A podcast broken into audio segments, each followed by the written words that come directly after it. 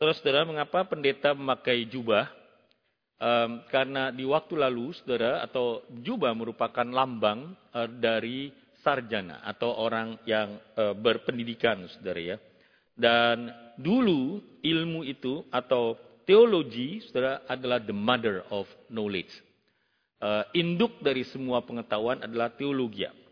Jadi pendeta pakai jubah, saudara, tanda sarjana, Nanti kalau saudara lihat ada stripnya tiga, berarti dia sudah doktor dan seterusnya. Dan kemudian jemaat adalah awam. Uh, awam bahasa Indonesia kurang terlalu uh, baik memang terjemahannya, saudara. Berarti dianggap tidak tahu apa-apa. Itu sebabnya mengapa kemudian ada kalau di gereja saudara membawa Alkitab, tapi gereja tertentu tidak perlu membawa Alkitab. Toh yang tahu isinya adalah para uh, sarjana tadi, para pendeta tadi, para pastor tadi. Jemaat cukup bawa buku nyanyian atau madah bakti di gereja tertentu. Saudara, zaman berkembang, reformasi terjadi, kemudian Luther membawa seluruh jemaat atau seluruh anggota gereja back to the Bible. Kita semua mempelajari Alkitab sama-sama dan uh, pendeta, rohaniwan, saudara selaku mentor, selaku pendamping untuk bertumbuh bersama-sama. Nah, mengapa paduan suara memakai jubah, saudara? Karena e, seperti pendeta, fungsinya bukan simbolnya, fungsinya adalah e, sebagai imam yang memimpin jemaat untuk menyembah Tuhan, sebagai imam yang memimpin jemaat lewat pujian, menaikkan doa kepada Tuhan, dan seperti pendeta, paduan suara memakai jubah, melaksanakan fungsi nabi untuk menyampaikan kebenaran cuma lewat pujian. Itu sebabnya paduan suara kita memakai jubah, saudara ya. Mari kita kasih aplaus untuk paduan suara kita. Um, mengapa saya tidak memakai jubah hari ini, saudara ya? Karena kontekstual atau relevansi. Jadi di satu pihak ada hal-hal yang perlu relevan, perlu tidak uh, perlu kemudian kita berusaha adjust sejauh tidak bertentangan dengan prinsip firman Tuhan. The Gen Z atau generasi milenial ini saudara bermasalah dengan otoritas. Itu sebabnya saudara dengan orang tua, dengan guru, dengan pendeta ada kesulitan. Mereka ingin supaya lebih otentik. Kita sama-sama manusia, kita sama-sama punya kelemahan, kita sama-sama manusia berdosa. Uh, oleh sebab itu, saudara, uh, saya mencoba jas, nanti sebentar lagi akan kebaktian umum 5 juga kan saudara ya, jam 10. Supaya lebih dekat, saya tanggalkan jubah. Dan hari ini, walaupun kebaktian minggu pertama, nanti sewaktu-waktu pakai jubah lagi. Jadi hari ini bukan karena kepanasan tidak pakai jubah, saudara. Tapi karena uh, supaya lebih relevan supaya sama-sama kita. Orang suci secara status, secara kondisi orang berdosa, kita sama-sama bertumbuh dalam Tuhan. Sekarang, mari kita lihat bagian yang sudah tadi disinggung oleh Mario, kisah 2 ayat 22 sampai 40. Saya memberi judulnya, saudara, Life After Death and Life After Life After Death. Jadi ada dua jenis kematian. Saudara, eh, kita baca dulu baru nanti penjelasannya mengapa saya memilih untuk eh, melihat kita, eh, mengajak kita melihat poin ini di dalam teks kisah Rasul 2 ayat 22 sampai 40. Saya harap saudara-saudara memperhatikan bagian yang di bold, bagian yang berwarna lain dan teks yang saya sama-sama akan bacakan atau kita baca sama-sama saudara dari Kisah Rasul 2 ayat 22 sampai 40 terjemahan baru 2 edisinya. Kalau saudara punya di Jajet, saudara boleh bandingkan apa bedanya terjemahan baru dua dengan yang lama. Kalau saudara punya teks uh, hard copy juga saudara bisa bandingkan. Demikian firman Tuhan. Hai orang-orang Israel, dengarlah perkataan ini. Yesus dari Nazaret adalah orang yang telah ditentukan Allah dan yang dinyatakan kepadamu dengan kekuatan-kekuatan, mujizat-mujizat, dan tanda-tanda ajaib yang dilakukan oleh Allah dengan perantaraan dia di tengah-tengah kamu. Seperti yang kamu ketahui. Dia yang diserahkan Allah menurut maksud dan rencananya telah kamu salibkan. Dan kamu bunuh pakai tangan bangsa-bangsa durhaka. Namun Allah membangkitkan dia setelah melepaskan dia dari sengsara maut. Karena tidak mungkin ia tetap berada dalam kuasa maut itu. Sebab Daud berkata tentang dia, Aku memandang Tuhan senantiasa di hadapanku. Ia berada di sebelah kananku sehingga aku tidak goyah. Sebab itu hatiku bersuka cita dan lidahku bersorak-sorak. Bahkan tubuhku akan tinggal dalam pengharapan. Sebab engkau tidak meninggalkan aku dalam dunia orang mati. Dan tidak membiarkan orang kudusmu mengalami kebinasaan. Engkau memberitahukan kepadaku jalan kehidupan. Engkau akan melimpahi aku dengan sukacita di hadapanmu. Saudara-saudara, aku dapat berkata-kata dengan terus terang kepadamu tentang Daud, bapak leluhur kita. Ia telah mati dan dikubur. Dan kuburannya masih ada pada kita sampai hari ini. Namun, ia adalah seorang nabi. Dan ia tahu bahwa Allah telah berjanji kepadanya dengan bersumpah bahwa ia akan mendudukan seorang dari keturunan Daud sendiri di atas tahtanya. Karena itu ia telah melihat ke depan dan telah berbicara tentang kebangkitan Mesias ketika ia mengatakan bahwa dia tidak ditinggalkan dalam dunia orang mati. Dan bahwa tubuhnya tidak mengalami kebinasaan. Yesus inilah yang dibangkitkan Allah dan tentang hal itu kami semua adalah saksi. Dan sesudah ia ditinggikan oleh tangan kanan Allah dan menerima dari Bapa roh kudus yang dijanjikan itu, maka dicurahkannya roh itu seperti yang kamu lihat dan dengar di sini. Sebab bukan Daud yang naik ke sorga. Malahan Daud sendiri berkata, Tuhan telah berfirman kepada Tuanku, duduklah di sebelah kananku. Sampai kubuat musuh-musuhmu menjadi tumpuan kakimu. Jadi, seluruh kaum Israel harus tahu dengan pasti bahwa Allah telah membuat Yesus yang kamu salibkan itu menjadi Tuhan dan Kristus. Ketika mereka mendengar hal itu, hati mereka tersayat. Lalu mereka bertanya kepada Petrus dan rasul-rasul yang lain, apa yang harus kami perbuat, saudara-saudara? Jawab Petrus kepada mereka, bertobatlah dan hendaklah kamu masing-masing dibaptis dalam nama Yesus Kristus untuk pengampunan dosamu. Maka kamu akan menerima karunia, yaitu roh kudus. Sebab bagi kamulah janji itu, bagi anak-anakmu dan bagi orang yang masih jauh. Sebanyak yang akan dipanggil oleh Tuhan Allah kita. Dengan banyak perkataan lain lagi, ia bersaksi dan mendesak mereka katanya, berilah dirimu diselamatkan dari generasi yang jahat ini. Amin.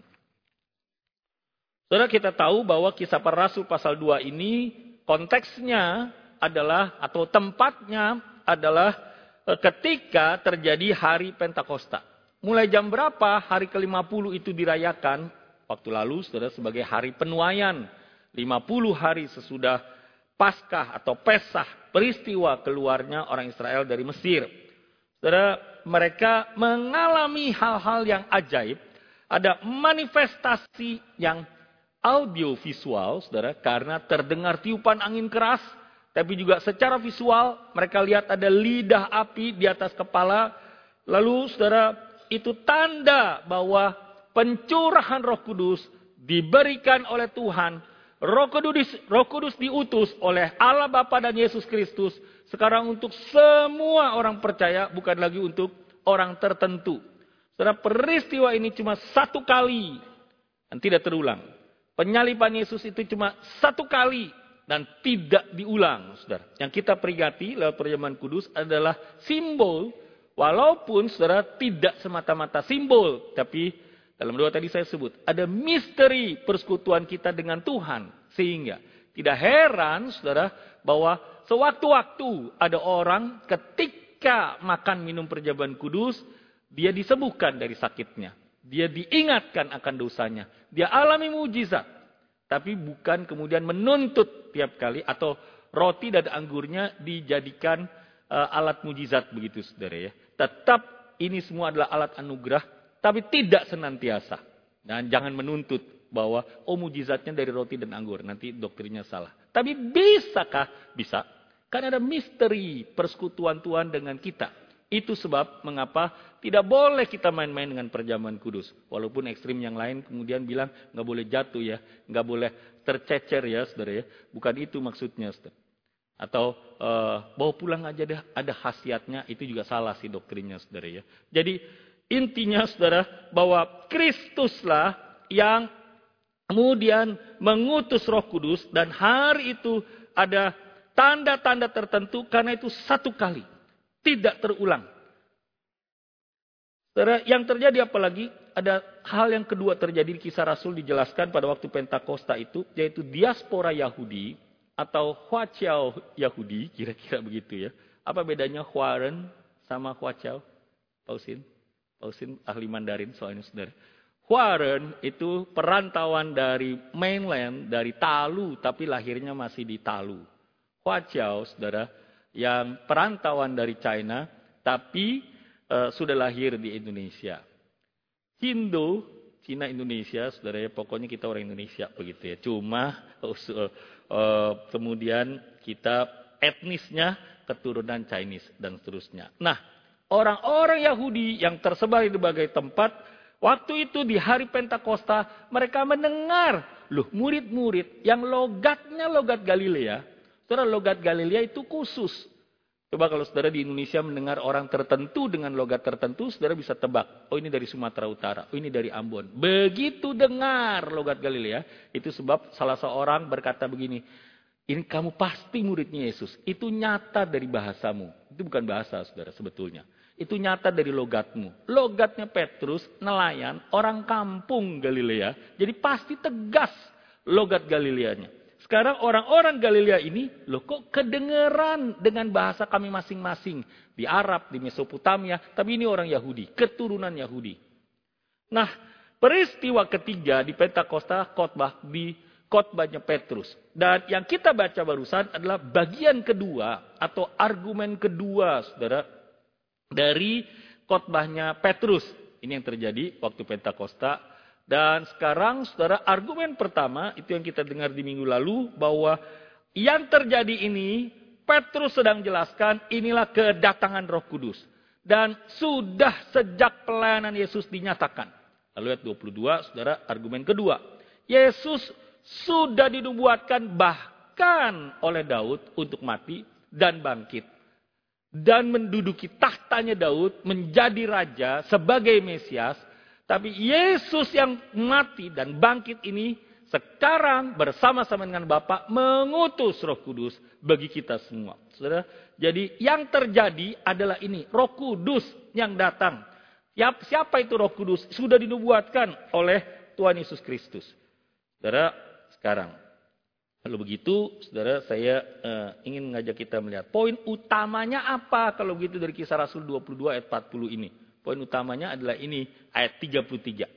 Sesudah ia ditinggikan oleh tangan kanan Allah, ia dimuliakan, dia naik ke sorga, dan menerima dari Bapa roh kudus yang dijanjikan itu, Bapa dan Kristus, bersama-sama mengutus roh kudus, maka dicurahkannya roh itu seperti yang kamu lihat dan dengar di sini. Itu intinya dari apa yang dikotbahkan oleh Petrus. Sekarang yang ingin saya ajak lihat, mengapa tadi ada bold, ada garis bawah, ada warna lain, ada isu minor dalam kisah Rasul pasal 2 ini, yang saya ingin ajak kita lihat, supaya kemudian kita tahu nanti kalau kita mati, seperti apa sebetulnya kehidupan. Itu sebab tadi saya sebutkan, saudara, tentang kehidupan sesudah kematian, life after death. Teman-teman remaja juga bisa belajar apa sebenarnya life after death ini. Saudara, disebutkan oleh ayat-ayat yang kita sudah tadi lihat, ada kata-kata ini. Sengsara maut, kuasa maut, tubuhku akan tinggal dalam pengharapan. Dunia orang mati, kebinasaan, sukacita di hadapan. Mengapa kemudian saya kembali saudara ke sini? Karena di Komisi Kaleb, saudara ternyata ada cukup banyak kebingungan. Lalu dalam penutupan base kemarin, saudara, penyelidikan Alkitab, ada seminar juga tentang uh, bagaimana hidup sekarang ini demi kekekalan. Ada cukup banyak pertanyaan yang belum terjawab tuntas, dan hari ini 30 menit juga tidak akan cukup saudara menjelaskan apa sebenarnya doktrin Alkitab tentang uh, hidup sesudah kematian. Yang paling baik buku yang mengulas tentang itu adalah Anthony Hukma tentang Alkitab dan akhir zaman. Sudah diterjemahkan bahasa Indonesia. Tapi saya tidak ambil seluruhnya dari dia, saudara, karena terlalu panjang lebar. Saya ingin mengajak kita melihat ini dulu. Dunia sesudah kematian. Life after death. Saudara, eh, manusia ketika diciptakan oleh Tuhan. Jadi, waktu kapan kita disebut sebagai makhluk hidup? Waktu sel sperma dan sel telur bertemu dan kemudian, nah di sini ada perbedaan saudara. Ada dokter yang mengatakan ketika bertemu itu sudah makhluk hidup. Ada dokter yang mengatakan sesudah membelah diri selnya itu ketika bertemu baru makhluk hidup. Itu sebabnya ada dokter yang setuju KB teknik spiral saudara. Karena kemudian toh belum membelah, belum menempel di dinding rahim, dicegah untuk menempel. Jadi belum makhluk hidup itu KB yang oke. Tapi ada orang Kristen yang uh, tidak setuju karena toh sudah bertemu walaupun belum membelah. Nah, dan seterusnya Saudara ya. Jadi makhluk hidup mulai kapan roh diberikan kepada manusia itu ketika manusia bapak dan mama dipakai oleh Tuhan, diciptakan oleh Tuhan melalui papa dan mama lewat sperma dan sel telur yang bertemu. Tuhan menaruh rohnya.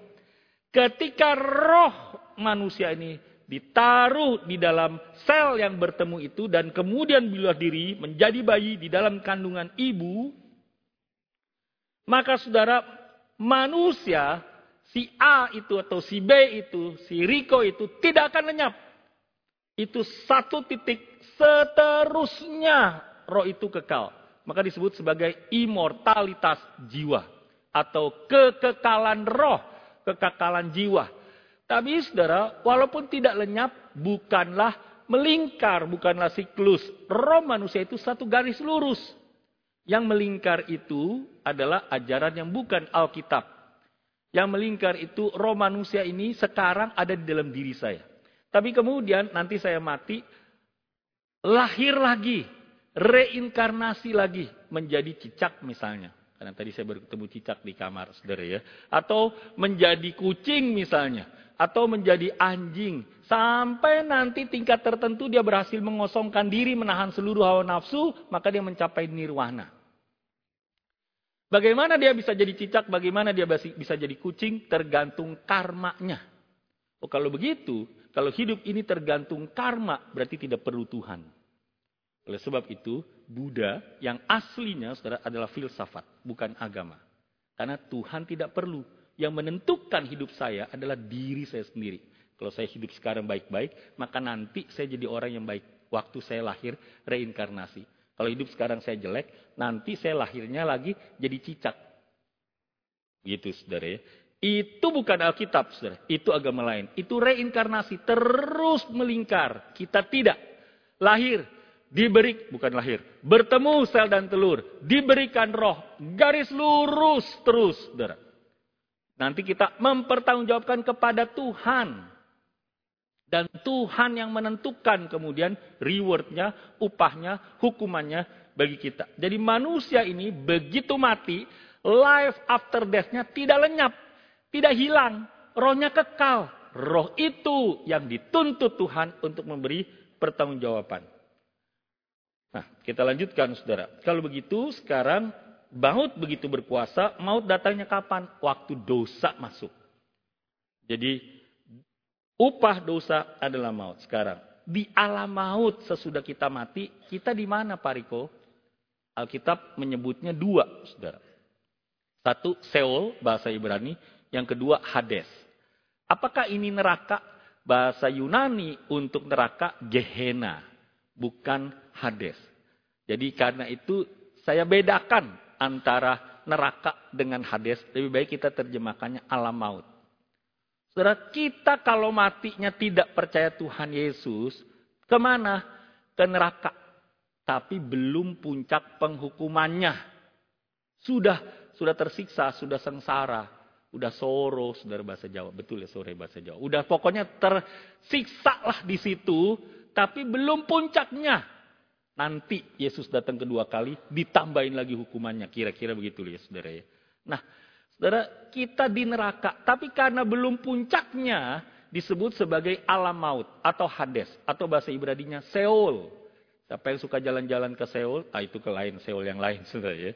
Itu kampungnya Jisoo dan Yeni dan Blackpink. Saudara balik lagi. Jadi kalau begitu, saudara kita yang sudah percaya Tuhan ke mana?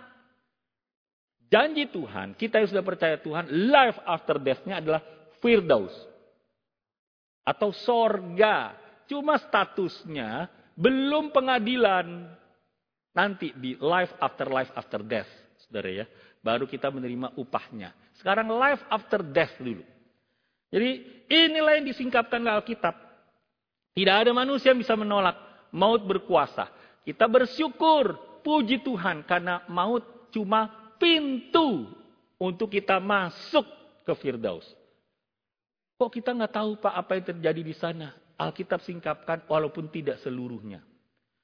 Saudara, oh kalau begitu yang masuk ke situ apanya? Tadi Pak Riko bilang roh, roh atau jiwa. Nah, dalam bahkan teolog-teolog yang alirannya reform atau Calvin sekalipun terbelah dua, saudara. Ada yang menganut bahwa diri kita ini, pribadi manusia ini terdiri dari tiga. Yaitu tubuh, jiwa, dan roh. Karena Alkitab sebut itu, tubuh, jiwa, rohku. Betul ya saudara ya? Ini disebut sebagai trikotomi. Apa yang disebut sebagai jiwa, kita punya gambar dan rupa Allah. Ada pribadi, Tandanya kita punya pribadi, saudara kita punya pikiran untuk menimbang-nimbang, ambil keputusan. Pagi ini saya mau pakai baju warna biru, pagi ini saya mau pakai jubah atau tidak pakai jubah. Saya punya kehendak, uh, saya mau tadi saudara ya. Saya uh, inginnya ini, saya tidak ingin itu. Saya punya perasaan.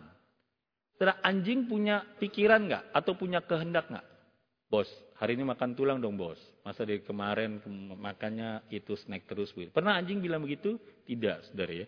Anjing tidak punya kehendak. Cuma manusia yang punya jiwa. Cuma manusia yang punya emosi.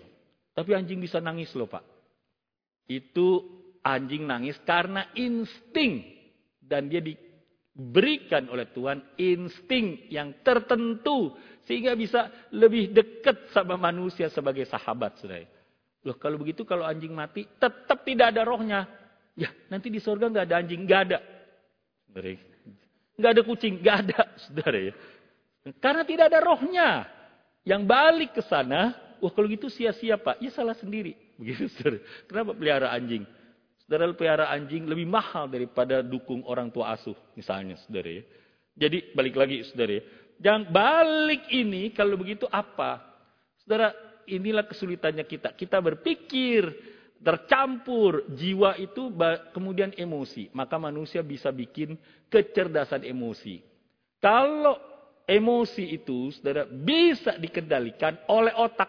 Jadi di dalam otak ini saudara Tuhan ciptakan begitu ajaib. Saudara orang yang kena stroke, kenapa bisa tiba-tiba nangis, bisa tiba-tiba tertawa saudara? Karena saraf nangis dan saraf ketawanya tersentuh. Setelah pendeta si Hombing, mantan rektor STTAA, waktu ada tumor di dalam telinganya, waktu dioperasi untuk keluarkan itu tumor, maka di dalam telinga itu waktu operasi dokter menyentuh saraf nomor 7. Ketika disentuh saraf nomor 7, setelah akhirnya begitu sembuh dari tumornya, tapi dia tidak bisa senyum otomatis yang sebelah kanan. Tidak bisa kedip otomatis mata yang sebelah kanan. Jadi kalau mau senyum, yang kiri aja senyum. Lalu yang kanan ini mesti tarik, saudara ya. Saraf nomor tujuh cuma punya manusia. Monyet tidak punya saraf nomor tujuh. Monyet nggak pernah senyum, menyeringai ya saudara, gitu ya saudara. Tapi monyet memang tidak bisa senyum. Kalau saudara sekarang nggak bisa senyum sama orang lain, saya nggak mau lanjutin deh saudara ya. Tapi itu anugerah kalau saudara bisa senyum sama orang lain. Itu saraf nomor tujuhnya masih fungsi. Kalau nggak fungsi lagi, nggak bisa senyum. Dan kalau nggak bisa senyum, kering. Mata kalau nggak kedip. Mata kita ini dianugerahai oleh Tuhan untuk berkedip. Tiap kali kedip, itu air mata melumas mata kita. Oli paling mahal di dunia, saudara, pelumas paling mahal di dunia, itu air mata. Bukan top one, bukan apalah merek yang lain, saudara. Ya. Itu air mata. Kalau nggak punya air mata, saudara, di Singapura ada orang sakit dari mata. Tiap kali, satu jam sekali, mesti teteskan air mata. Satu cup begini, 30 dolar. Kalau saya gajinya habis nih buat beli air mata doang, saudara ya. Tiap jam tetes, tiap jam tetes. Saudara, saudara tiap kedip air mata melumas. Tanpa sadar kita udah kedip kan, saudara. Itu berkat Tuhan. Pak Siombing, dia mesti kedip tidak bisa otomatis. Dia mesti kedip tiap satu jam sekali. Dia nyalain alarm supaya ini dikedipkan. Kalau nggak matanya buta. Kalau tidak dilumasi oleh air mata. Saudara itu anugerah. Sekarang balik lagi saudara. Begitu rupa anugerah dikendalikan oleh otak, ternyata otak yang mengerjakan segala sesuatu otomatis ini juga mengendalikan emosi. Itu sebab dibuat uh, buku kecerdasan emosi. Apa itu kecerdasan emosi? Salah satu buku itu berkata begini, tersinggung tidak tersinggung sebenarnya pilihan. Kamu bisa kontrol. Wah saya tersinggung dengan omongan kamu. Loh saudara sebenarnya bisa pilih, saudara mau tersinggung atau tidak tersinggung. Saudara nggak sih maksudnya ya? Oh, kalau begitu, saya pilih tidak tersinggung. Itu artinya saudara cerdas secara emosi. Kalau anak remaja, belajarnya sistem kebut semalam. Oh, itu tidak cerdas secara emosi, begitu ya. Saudara orang yang cerdas secara emosi, dia bisa kendalikan moodnya sehingga tetap bisa belajar walaupun besok tidak ujian. Dan seterusnya. Saudara saya tidak membahas itu. Balik lagi sekarang. Saudara, loh berarti emosi itu bagian dari tubuh atau bagian dari jiwa? kalau perasaan itu bisa diatur oleh otak dan bisa kita kendalikan. Tidak bisa dipilah-pilah menjadi begitu tegas mana yang jiwa, mana yang roh. Saudara. Karena itu ada satu aliran lagi dan saya penganut yang terakhir ini. Saudara. Saya dikotomi. Jiwa dan roh adalah satu, cuma dipakainya bergantian dan sering kali juga dipakainya berdampingan oleh Alkitab. Kalau seandainya roh terpisah dari jiwa, Nanti, saudara, di sorga kita nggak punya perasaan. Get the point ini. Di sorga kita kemudian nyanyi nggak bisa senang, nggak bisa suka cita. Saudara. Roh dan jiwa adalah satu, dikotomi. Kalau saudara mau pilih trikotomi, nggak apa-apa juga. Nanti sama-sama ibu trifosa, karena dia sama-sama terikat sebenarnya. Nah, sekarang balik lagi. Loh kalau begitu, kita namakan apa ini? Sudah di sorga, tapi status Firdaus. Saudara kalau begitu meninggal dunia, saudara mati, saudara ke mana? Saudara sudah ke sorga. Tapi kok tadi Pak Riko bilang ke Firdaus, itu statusnya Firdaus. Sudah di sorga, tapi sebelum upah. Sudah di Seoul, sudah di neraka kalau dia tidak percaya Yesus, tapi belum. Bagaimana sih jelasinnya Pak? Kenapa Bapak sebut itu status? Bukankah sorga dan negara adalah tempat? Betul, saudara. Sorga dan neraka adalah tempat. Karena Alkitab menyatakan bahwa itu adalah tempat, bukan cuma satu state, satu kondisi tertentu. Tidak. Tapi sorga, neraka adalah tempat. Nah, saudara, cuma jangan berpikir begini. Apakah kalau begitu, yang dimaksud Firdaus, saya boleh kasih contoh seperti kita ke dokter, Pak. Jadi kalau kita ke dokter, kan kita sudah nyampe dokter, sudah di ruang tunggu dokter, tapi belum ketemu dokter, masih di ruang tunggu. Salah. Alkitab tidak berkata begitu. Saudara kalau mati, langsung ke sorga, ketemu Tuhan. Tidak di ruang tunggunya Tuhan. Cuma statusnya status tunggu, bukan ruang tunggu. Get the boy ini, saudara. Firdaus itu bukan ruang tunggu atau tempat tunggu. Tapi sudah ketemu Tuhan, sudah jumpa dengan Tuhan, tapi status antara intermediate state. Nah, kalau begitu di intermediate state ini bisa hubungan lagi nggak dengan yang di dunia? Satu saat, saudara, Jipe, Koko, eh, Papa nomor dua, saudara, saya pengennya Jipe, meninggal dunia. Lalu, Ako, Tuako, saudara ya. Cici paling besar dari Papa, dia bisa kerasukan, bisa kemasukan Saudara saya umur kira-kira 10-11 tahun, saya diajak papa ikut satu upacara di rumah aku, rumahnya ruang tengahnya penuh uh, meja sembayang dan saya dari kecil memang sudah pergi kelenteng mana juga saya pernah pergi lah saudara ya mau Gunung Kawi mau Puncak mau Bogor mau Banten nginep pernah karena rencananya saya diwariskan semua meja sembayang dari ruang tengah sampai ruang belakang dari depan depan juga meja Tuhan Allah begitu ya Saudara, pokoknya semua mau diwariskan. Eh, sayanya jadi pendeta. Nah, kurang ajar loh, kata papa saya begitu ya. Dan begitulah, saudara, kisahnya kehidupan saya. Nah, saudara, di rumah itu, di rumah aku, saya kemudian uh, menyaksikan Aku selesai sembayang, suaranya berubah, ngomong suaranya jipe. Kok bisa? Saya percaya sekali waktu itu umur 10-11 tahun. Itu roh jipe yang masuk ke dalam tubuhnya aku. Suaranya berubah jadi laki-laki. Dan papa saya tanya. Tocil. Jipe dipanggilnya Toto kecil. Koko kecil. Karena papa saya cadel jadi Tocil gitu ya. Tocil. Gimana jalannya? Jalan gua gelap tet. Itu yang saya ingat. Papa saya Tan Tetsu. Jadi panggilnya Tetsu. Saudara ya. Jalan gua gelap tet. Gitu. Kalau gitu kita nyalain lilin tiap malam. Saya sampai waktu itu pengen tanya, kenapa nggak pakai senter, Pak? Kenapa pakai lilin, saudara? Balik lagi, saudara. Saudara, kok bisa? Aku yang perempuan suaranya jadi suara jipe. Aduh, iblis ketawa gembira. Jangankan jadi jipe, Riko. Aku ini iblis setan. Jadi malaikat terang juga bisa. Jadi perempuan cakep di mangga besar aja bisa begitu, saudara ya. Saudara ngerti maksud saya? Saudara, iblis bisa buat seperti itu. Tapi Pak, saya ketemu loh Pak. Eh, di kuburan itu ada setan. Yang bikin di kuburan ada setan. Saudara saya SMP nakal, saudara ya. SMA lebih nakal lagi sih. Tapi kemudian percaya Tuhan, saudara ya. Saudara, dulu SMP pergi ke kuburan. Karena kami mau cari setan.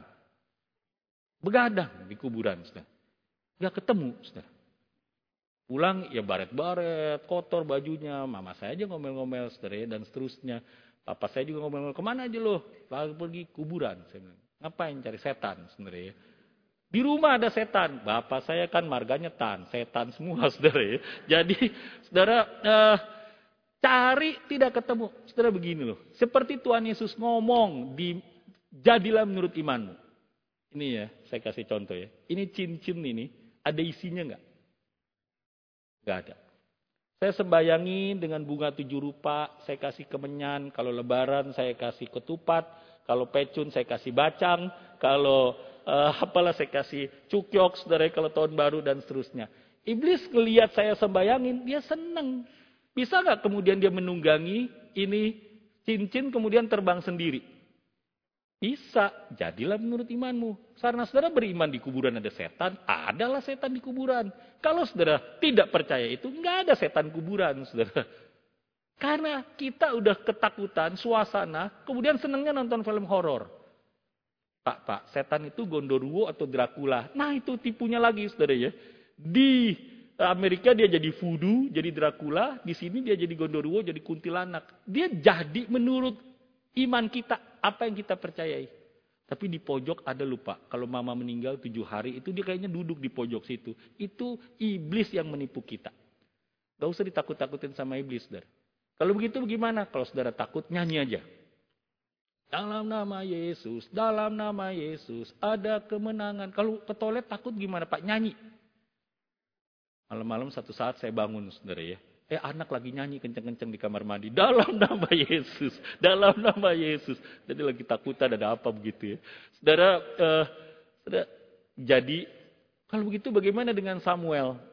Saudara, banyak tafsiran tentang roh Samuel yang masuk waktu ketemu dengan Saul.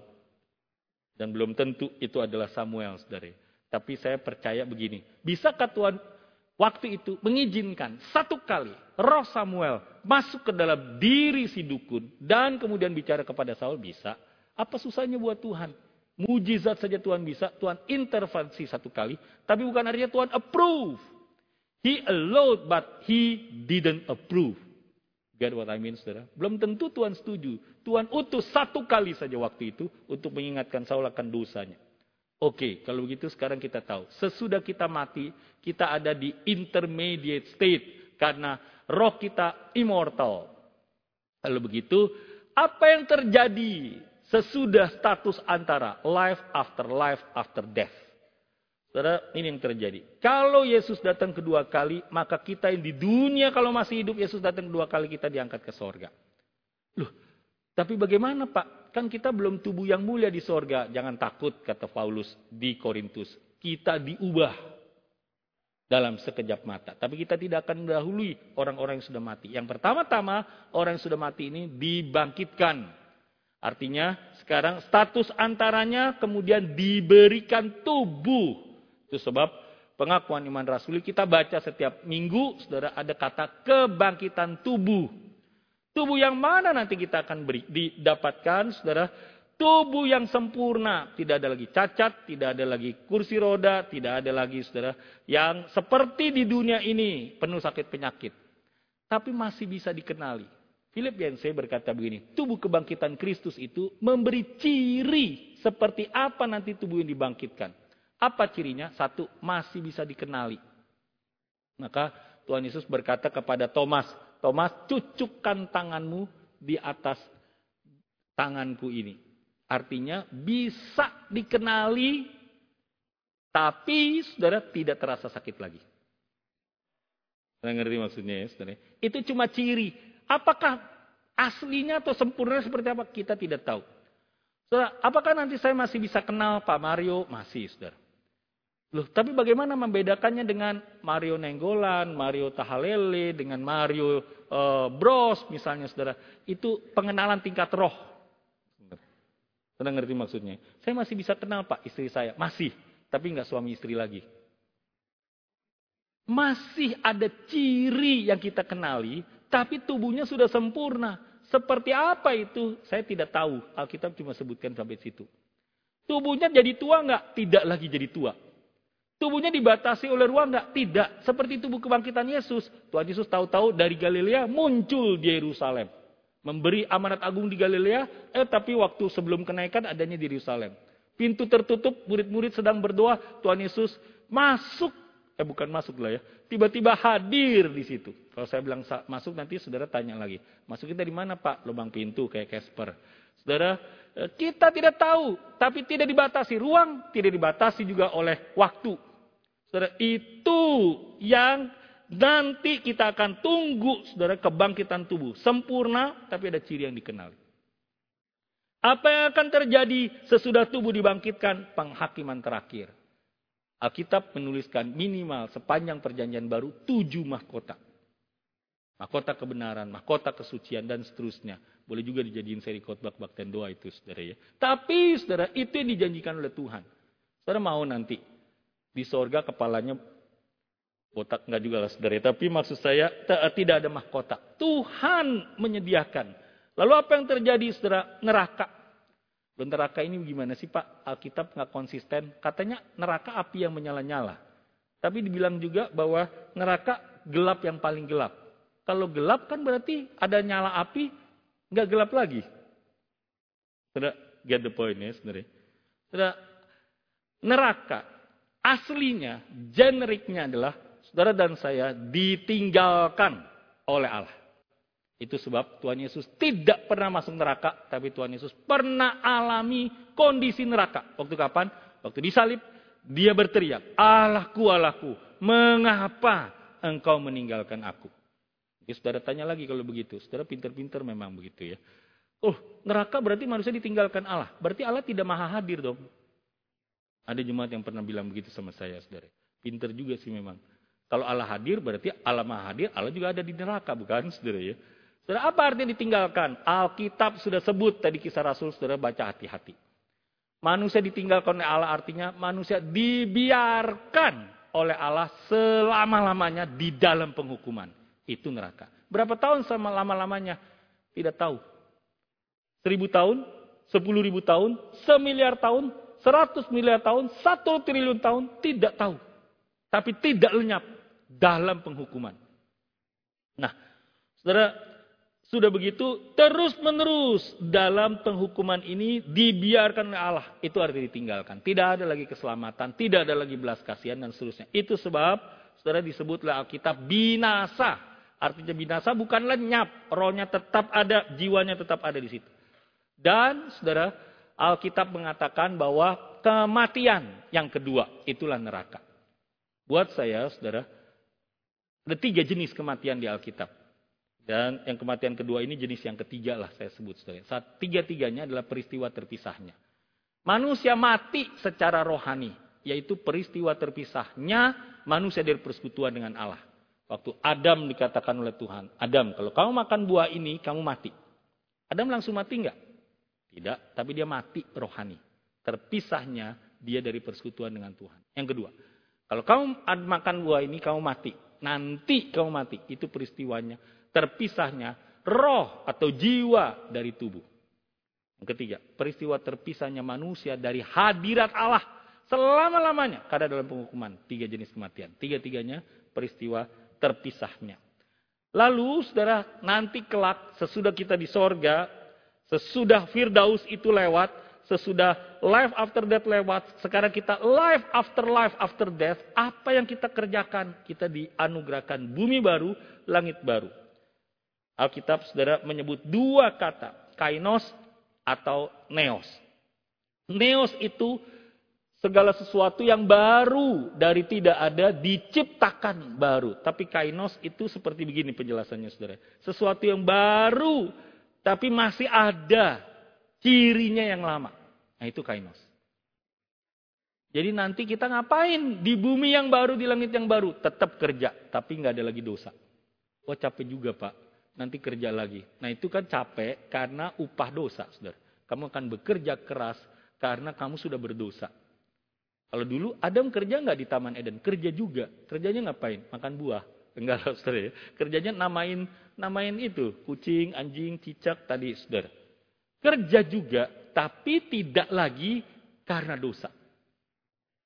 Tidak ada lagi kejar-kejaran uang, tidak ada lagi, saudara. Nyanyi-nyanyi pak, kalau kerjanya di sorga cuma nyanyi-nyanyi, saya ikut santus. Dari saya ikut paduan suara kalau kerjanya cuma nyanyi-nyanyi. Jadi kerjanya apa saudara?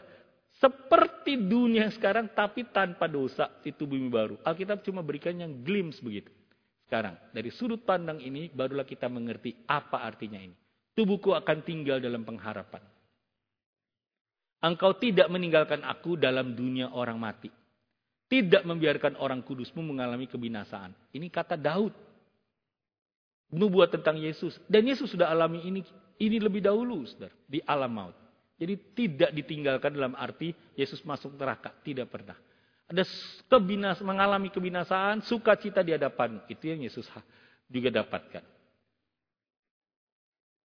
Telah mati, melihat ke depan kebangkitan Yesus tidak ditinggalkan di dalam dunia orang mati karena kita masuknya sorga tubuhnya tidak mengalami kebinasaan dan Yesus alami itu saudara itu sebab tiga hari dia tidak alami pembusukan itulah tubuh yang baru yang Yesus sudah dapatkan sebagai yang sulung dibangkitkan Allah dan nanti kelak Tuhan Yesus duduk di sebelah kanan sampai kebuat musuhku menjadi musuhmu menjadi tumpuan kakimu saudara ini semua kita lihat dari sudut pandang ini Baru kemudian kita paham, oh inilah yang terjadi. Kalau begitu, sekarang. Roh Kudus, kalau balik lagi sekarang saudara, Roh Kudus kalau begitu dicurahkan untuk apa? Betul untuk memberi karunia pelayanan kepada kita, betul untuk menolong kita menghasilkan buah roh, tapi saudara peran Roh Kudus untuk janji yang akan datang ini, untuk eskatologi ini adalah materai, adalah tanda sah, adalah cap. Saudara dibaptis oleh Roh Kudus. Saya pernah pergi ke Kupang, saudara ya. Di Kupang orang ikat sapi namanya. Atau di uh, Timor, saudara di uh, eh, NTT, uh, eh, orang ikat sapi. Saudara, ada satu yang menarik ketika saya ke Soe, ke Kupang, ke uh, beberapa daerah, saudara ya. Karena itu sapinya ada capnya. Ada yang capnya A, tapi ada juga yang capnya B. Tapi dia juga dikasih nama. Namanya keren-keren, saudara, suap sapi. Kevin. Yohanes. Saya ini hebat amat ini sapi. Kemudian dikasih cap namanya keren-keren gitu. Saudara, itu cap. Bukan namanya Kevin, bukan namanya sapi, saudara. Bukan namanya uh, si sapi, tapi nama pemiliknya. Itu sapi milik Pak Yohanes. Itu sapi milik Pak Kevin. Begitu juga. Baptisan roh kudus Roh Kudus diberikan kepada kita adalah cap materai. Saudara miliknya siapa? Miliknya Tuhan. Tanda. Cap itu tanda miliknya Tuhan. Dan saudara nanti dijamin dalam kerajaan kekal. Karena ini janjinya Tuhan. Jadi sebut janjinya Tuhan adalah ini saudara. Janjinya Tuhan adalah materai ini saudara. Saya bacakan uh, sedikit saudara peran roh kudus. Mendahului zaman akhir sudah dinubuatkan di Rasul 2.17. Sumber kehidupan yang baru. Dan ini yang saya maksud saudara. Materai untuk janji yang akan datang. Tapi sebelum kita, saya bacakan Roma 8 ayat 14. Semua orang yang dipimpin oleh roh Allah adalah anak Allah. Roh itu sendiri bersaksi bersama dengan roh kita bahwa kita adalah anak-anak Allah. Jika kita adalah anak, ada capnya roh kudus. Kita juga adalah ahli waris warisan kerajaan surga. Maksudnya orang-orang yang berhak menerima janji-janji Allah yang akan menerimanya bersama-sama dengan Kristus, yaitu jika kita menderita bersama Dia supaya kita juga dipermuliakan bersama dengan Dia. Ini penjelasan teksnya bisa lain lagi, saudara, bisa panjang lebar lagi. Tapi saya mau mengutipnya demi ini saja dulu, bahwa ini satu materai untuk janji. Dan Roh Kudus sekarang mengapa dicurahkan? Roh Kudus dicurahkan untuk mendahului satu zaman yang namanya zaman akhir. Kita mesti bedakan antara akhir zaman dengan zaman akhir. Zaman akhir itu dimulai sejak kapan? Sejak Roh Kudus datang sampai sekarang ini disebut sebagai zaman akhir. Loh kalau begitu yang tanda-tanda dikatakan bahwa bulan menjadi darah, langit menjadi gelap, bintang jatuh dan seterusnya itu kapan Pak? Itu akhir dari zaman akhir. Loh, zaman akhirnya kapan? Kita tidak tahu. Tapi kalau makin intens, itu berarti bukan cuma akhir dari zaman akhir, tapi akhir dari akhir zaman. Ada zaman akhir, ada akhir zaman akhir, ada ja, akhir zaman, ada akhir dari akhir zaman. Seluruhnya ini disebut sebagai teologi dispensasionalis. Kita setuju dengan dispensionalis dalam arti terbatas. Dispensasi. Karena ada zamannya Bapak waktu perjanjian lama, ada zamannya Yesus waktu perjanjian baru, ada zaman Roh Kudus di zaman akhir ini. Setuju saya bahwa memang ada zaman ini, tapi tidak boleh terlalu dikotakkan. Kalau terlalu dikotakkan berarti Saudara ada zaman bahasa lidah. Berarti sekarang tidak ada lagi bahasa lidah. Ada zaman mujizat, ini zaman bahasa lidah, ini zaman mujizat. Sekarang berarti bukan zaman mujizat, Pak. Tidak. Saya tetap setuju sekarang ini ada mujizat. Amin, saudara. Saya tetap setuju saat ini bisa saja ada bahasa lidah. Yang murni, bukan yang aneh-aneh. Jadi dispensasi dalam kategori tertentu saya setuju, saudara, tapi tidak seluruhnya kita terima. Kalau kita percaya dispensasionalisme terlalu ketat sekarang ini, kita tidak lagi melihat ada mujizat. Karena zaman mujizat sudah lewat, zamannya kisah rasul. Itu menurut dispensasionalis. Kita setuju ada masa tertentu Tuhan curahkan, tapi sekarang ini tidak. Nah sekarang balik lagi. Kalau begitu, apa peran roh kudus? Ini loh yang saya mau ajak kita melihat penting, saudara. Upaya kita mengerti ayat lanjutnya ini ayat 36. Bahwa roh kudus itu perannya ketika dicurahkan adalah ini. Untuk sumber kehidupan baru dan pembaruan moral. Karena Yeskiel 36 berkata ayat 26 27, aku memberikan hati yang baru, roh yang baru dalam batin. Aku singkirkan dari tubuhmu hati yang membatu atau keras dalam terjemahan lama bahasa Indonesia. Memberikan padamu hati yang lembut atau taat dalam bahasa Indonesia terjemahan lama. Rohku akan kutaruh dalam batinmu dan aku akan buat kamu hidup menurut segala ketetapanku dan tetap berpegang pada peraturan-peraturanku dan melakukannya. Kalau begitu, saudara, sekarang kita mengerti bagi kamulah janji itu, tadi warisan, lalu sekarang ada lanjutan di ayat 40. Berilah dirimu diselamatkan dari generasi yang jahat ini.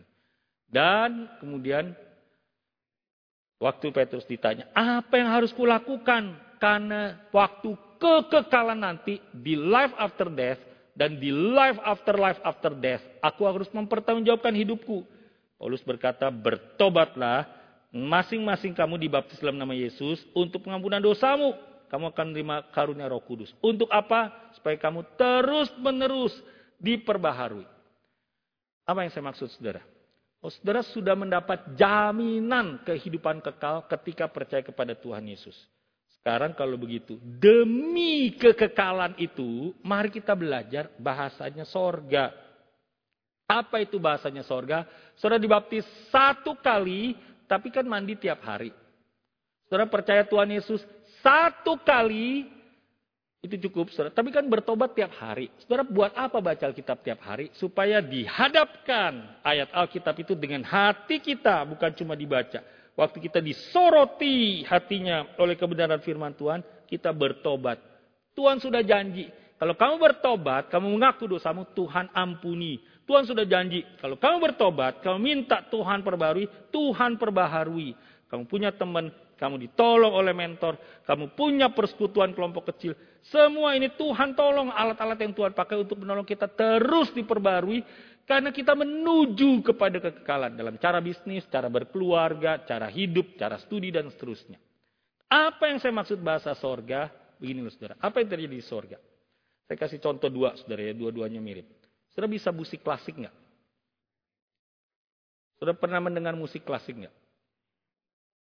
Sudah menikmati musik klasik nggak? Jokowi musiknya rock, saudara ya.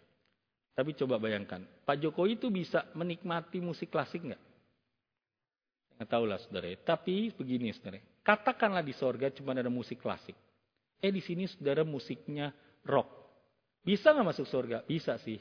Tapi karena di sorga nanti musiknya cuma musik klasik, saudara nggak nikmati sorga. Saudara get the point. Untungnya surga bukan cuma musik klasik. Dangdut juga ada, saudara. Enggak lah, saudara. Saya nggak tahu surga seperti bagaimana. Tapi kita kasih contoh yang lain. Bahasa. Menurut saudara, saya bisa nggak pergi ke mainland, ke China? Bisa nggak? Bisa. Tapi saya nggak bisa bahasa Mandarin. Menurut saudara, saya bisa nggak pergi ke Amerika? Bisa. Tapi saya bisa bahasa Inggris. Menurut saudara, saya lebih menikmati mana? Pergi ke Amerika atau pergi ke China? Bukan bisa, nih saudara. Masalah menikmati. Menikmati ke mana? Menikmati ke Amerika. Karena saya bisa bahasa Inggrisnya. Itu loh maksudnya. Saudara bisa ke sorga nggak? Bisa nyampe. Tapi karena nggak belajar bahasa sorga di sana. Aduh, kok lebih menikmati si Pariko ya? Ya karena saya belajar bahasa sorga. Apa itu bahasa sorga? Hidup suci. Bagaimana hidup suci? Bertobat tiap hari. Tuhan sudah berikan semua garansinya. Roh Kudus, firman Tuhan, kelompok kecil, persekutuan, doa, bahasa menjalankan Alkitab ini bahasa sorga. Supaya nanti kalau di sana dalam kerajaan kekal, di life after death, dan di life after life after death, kita menikmatinya. Kita bersyukur tuh karena Tuhan yang kita jumpai bahasanya sama dengan kita. Seleranya sama dengan kita. Kemuliaan yang Kristus dapatkan saudara juga saudara dapatkan. Cuma saudara bukan sumber kemuliaan, kita pantulan kemuliaannya Tuhan. Saudara, kita diberikan sebagai anak Yesus yang sulung dan kita juga sama anak yang mewariskan semua yang dijanjikan Tuhan kepada Kristus, kita juga terima saudara sebagai anak-anak Allah. Bukankah itu luar biasa? Kalau begitu, apa yang menjadi penolong untuk kita belajar bahasa sorga? Apa yang menjadi penolong supaya kita hidup suci? Apa yang jadi penolong supaya kita bertobat ulang-ulang, mandi tiap hari? Roh Kudus dicurahkan bagi kita. Apa yang harus saya lakukan kalau begitu Pak? Berilah diri kita kepada Tuhan yang belum percaya, percayalah. Yang belum dibaptis, dibaptislah. Yang belum bertobat, bertobatlah. Minta Tuhan ampuni. Inilah hidup di dunia yang Tuhan sudah anugerahkan seluruh fasilitasnya bagi kita semua. Demi apa? Demi kekal.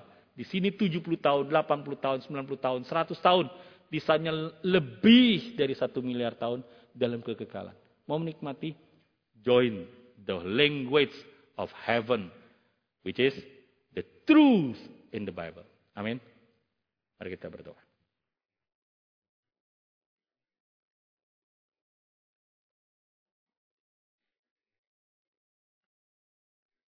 Mari satu menit kita doa di hadapan Tuhan. Kalau saudara pernah terima Tuhan Yesus, bersyukur.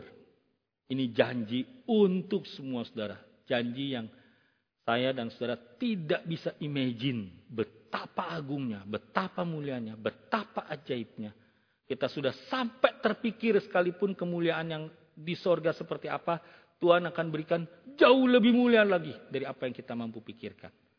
Oh syukur kepada Tuhan untuk anugerahnya. Buat saudara yang belum terima Tuhan Yesus, belum menerima karunia Roh Kudus, tidak ada materai dalam hidup saudara sebagai anak Allah. Hari ini saatnya, seperti Petrus katakan, berilah dirimu bertobat. Karena dengan berbuat dosa, engkau juga menyalibkan Yesus. Membuat Yesus tergantung di atas tiang itu. Minta Tuhan, tolong saya. Masuklah dalam hati saya. Roh Kudus masuklah dalam hati saya. Saya mau sungguh-sungguh terima Kristus sebagai Tuhan dan Juru Selamat. Kalau saudara belum hidup di dalam bahasa kekekalan, bahasa sorga, musiknya sorga, yaitu hidup di dalam kebenaran firman. Yang diberikan penolong, yaitu roh kudus untuk hidup dalam kebenaran. Diingatkan, diangkat, ditegur, dihibur. Saudara mari kita hidup bertobat tiap hari. Mandi tiap hari dengan fasilitas dari roh kudus ini. Yaitu pengampunan oleh darah Kristus oleh kuasa roh kudus. Masing-masing doa satu menit.